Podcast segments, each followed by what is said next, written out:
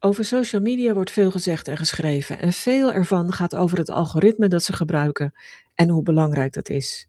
Maar is dat ook zo? Eigenwijs als ik altijd ben, wil ik in deze podcastaflevering het social media algoritme eens onder de loep nemen en aantonen dat sommige aannames niet kloppen. Algoritmesprookjes dus. Want die zorgen er nogal eens voor dat mensen en bedrijven net de verkeerde dingen doen op social media.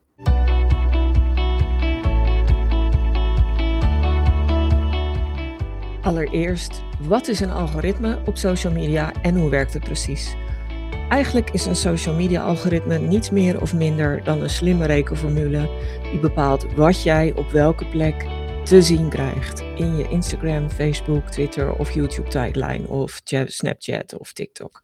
Maar social media hebben maar één doel en dat is gebruikers zo lang en zo vaak mogelijk op hun platform houden. En daar stemmen ze dus hun algoritme op af. Nou, voor jou als contentmaker op social media is het algoritme behoorlijk belangrijk en echt iets om rekening mee te houden. Want ga je dwars tegen het algoritme in, dan is het over het algemeen lastiger om veel mensen te bereiken. Zelfs als het je eigen fans, volgers of connecties zijn. Die rekenformule die ik net noemde, bepaalt in feite welke content het social media algoritme is behoorlijk belangrijk, want in eerste instantie wordt je content altijd maar aan een handjevol mensen getoond. Als zij erop reageren en hoe ze erop reageren, dan wordt die groep steeds een beetje groter. Dus als je afhankelijk bent van gratis bereik op social media, dan speelt dit algoritme echt een grote rol en is het belangrijk om in gedachten te houden. Maar, en dan kom ik op algoritme sprookje 1, veel mensen zeggen dat als je content op social media weinig oplevert, dat dan uh, aan het algoritme ligt. Het is echt heel handig. Het algoritme krijgt dan gewoon de schuld. Maar het is echt een sprookje, want het is voor 80% niet waar. Jazeker, het algoritme speelt een rol, maar je content speelt een veel grotere rol. Want als die het niet doet, zoals het heet, ligt dat aan je content. Het ligt aan wat je vertelt en aan het format dat je daarvoor gekozen hebt. Bijvoorbeeld, je verhaal sluit niet aan bij de mensen die je volgen, bij hun vragen, hun behoeften, hun wensen. Of er is geen duidelijke wat in het voor me voor die volgers. Of je brengt het verkeerd. Bijvoorbeeld omdat je heel veel tekst gebruikt, terwijl die volgers eigenlijk in een hele andere modus zitten en veel liever beeld of video zien. Nou, wat klopt er dan wel van het eerste sprookje, waarbij het algoritme de schuld krijgt van een gering bereik? Het algoritme kan soms zeker de oorzaak zijn van een lager bereik, want ieder social media platform maakt eigen keuzes en bevoordeelt bepaalde formats. En welke formats dat zijn, op welk platform, daar vertel ik straks nog iets meer over. Wat je echt wel ziet, is dat ze allemaal iets afstraffen en dat zijn berichten met links. Dat is niet zo gek, want die berichten met links sturen mensen van hun social media platform af. En dat is nou net wat ze niet willen, want ze willen mensen juist zo lang mogelijk op hun eigen platform houden. De enige uitzondering daarop is Pinterest, want die vindt het helemaal prima als je links naar je website uh, plaatst. Dus Pinterest is wel een leuke uitzondering op deze regel. Dus die 20% zit hem inderdaad in je algoritme, maar het gros van je zichtbaarheid zit hem echt in de content en hoe je die inkleedt en hoe je mensen adresseert. Maar als je dan zegt van hé, hey, uh, linkberichten zijn vaak de oorzaak van een minder bereik, dan zie je dat algoritme sprookje 2 ontstaat bij een hoop mensen. En dat is dat er dan soms gezegd wordt dat je helemaal geen berichten met links meer moet plaatsen. Nou, dat is dus echt niet waar. Want je moet het juist wel doen. Zeker als het onderdeel is van je strategie. En eigenlijk zou het ook onderdeel moeten zijn van je, van je strategie op social media. Want natuurlijk wil je dat mensen naar je site gaan. En natuurlijk wil je dat mensen kennis nemen van je aanbod. Iets bij je aanvragen, om meer informatie vragen. Of dat ze meteen iets aanschaffen. En linkberichten zijn daar bij uitstek geschikt voor. Dus die moet je juist wel plaatsen. Dus laat je niet wijsmaken dat je dat niet moet doen. Maar gebruik linkberichten op een hele creatieve manier. En wissel ze ook af met berichten die geen link bevatten en die wat meer aansluiten bij de algoritmewensen van het platform waar je actief bent. Wat je ook kunt doen, is dat je linkberichten nog even een boost geeft, bijvoorbeeld met een beperkt advertentiebudget. Want zo hypocriet zijn social media dan ook wel weer, dat als jij betaalt, dat ze het dan wel weer oké vinden als mensen van hun platform afgaan en naar jouw website. Dat is altijd een leuk om in je hoofd te houden. Nou, hoe kun je dan met social media algoritmes omgaan? Wat mij betreft is het belangrijkste dat je eerst je boodschap en je verhaal bepaalt. Dat je vervolgens een format kiest dat hierbij past. En ja, dat ook aansluit op die wensen van het algoritme. Want het helpt natuurlijk wel. Toch moet je daarmee oppassen. Want wat ik soms zie is dat mensen allerlei trucjes gaan toepassen om maar binnen dat algoritme te vallen en eigenlijk dat algoritme te pleasen in goed Nederlands. Want algoritme sprookje 3 is dat als je het algoritme maar volgt, dat het dan automatisch wel goed komt. Ik wou dat dat waar was. Dat zou wel heel handig zijn. Maar als je er goed over nadenkt, is dat natuurlijk geklets. Want dan zou iedereen voortdurend geweldige algoritmescores kunnen behalen. En het zit toch net even anders. En om daarin door te gaan, wat ik eerder zei over dat bepaalde formats het goed doen op bepaalde uh, social media platforms.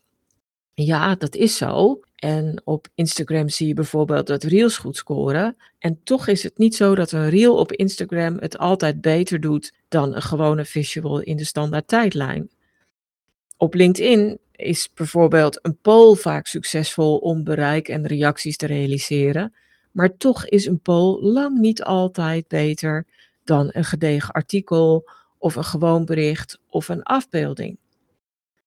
Wat je bijvoorbeeld ziet, is dat polls heel vaak mislukken op LinkedIn. En echt, ik zie de laatste tijd polls steeds vaker langskomen, maar sommige zijn ronduit huiveringwekkend. Zo zag ik een businesscoach die me op LinkedIn ging vragen of ik als kind wel of niet met huiselijk geweld te maken had gehad. En een IT-serviceverlener vroeg me ineens welk model auto ik reed. En gaf me vervolgens vier automerken om, om me uit te kiezen waarmee die dus al iets helemaal voor me invulde. In mijn beleving zijn deze mensen slaaf geworden van het algoritme. Misschien was er ergens een trainer geweest die had geroepen dat polls erg handig waren voor meer views. En gingen ze die tip opvolgen en gingen ze polls gebruiken om maar meer, meer views te realiseren. Alleen deden ze dat dan wel net verkeerd. Want eerlijk gezegd, ik ga die business coach die mij die vraag over mijn kindertijd stelde, nu echt niet sneller benaderen voor meer informatie. En datzelfde geldt die IT, voor die IT-dienstverlener die het over automerken had. Daar heb ik gewoon zelf helemaal niks mee. En aan de reacties onder die poll te zien, uh, was dat voor veel meer mensen het geval. Wat ik veel erg vond, was dat zij zich blijkbaar niet afvroegen of er niet bij stilstonden wat zo'n poll betekende voor hun personal brand, voor hun persoonlijke merk. In dit geval denk ik dat hun merkpositionering daar niet per se sterker van werd en er waarschijnlijk wel onder leed. Dus mijn advies is: ja, polls doen het goed op LinkedIn, zijn een format waarmee je gemakkelijk veel reacties en dus veel bereik kunt realiseren. Dus gebruik ze zeker, maar doe het gericht en doe het alleen als het relevant is. Dus niet om bereik te scoren, om het bereik. Laat een poll of een ander format wat misschien heel goed werkt, juist aansluiten op je expertise en bij de professionele uitstraling die je nastreeft. En dat geldt voor persoonlijke profielen en accounts, maar dat geldt natuurlijk nog veel meer voor bedrijfspagina's en bedrijfsaccounts. En wat ik dan soms, als ik dit aan klanten adviseer, als wedervraag krijg van, ja, maar mag ik die dan niet een keertje heel speels zijn of veel meer op de persoonlijke tour gooien? Ja, natuurlijk mag dat wel. En speelsheid of persoonlijkheid kunnen juist heel goed samengaan met een personal brand. Maar het vraagt vaak wat meer denkwerk of nadenkwerk om dit goed samen te laten gaan. Dus met een poll bereik je meer en heb je mogelijk meer reacties. Maar je hebt er niks aan als die vele views eigenlijk meer je ijdelheid strelen en dat je daarna ziet dat je een x aantal mensen hebt bereikt. Dat is uiteindelijk niet waarvoor je social media inzet, denk ik. Want het klopt, met een poll of met een reel of met een live video heb je vaak meer bereik en mogelijk meer reacties. Maar uiteindelijk heb je er niets aan, behalve dat die vele views misschien je ijdelheid strelen. Maar dat is waarschijnlijk niet waarvoor je social media zakelijk inzet. Zichtbaarheid is zeker van belang, maar het is maar een deel van het verhaal. Je wil gezien worden, maar dat is slechts het begin.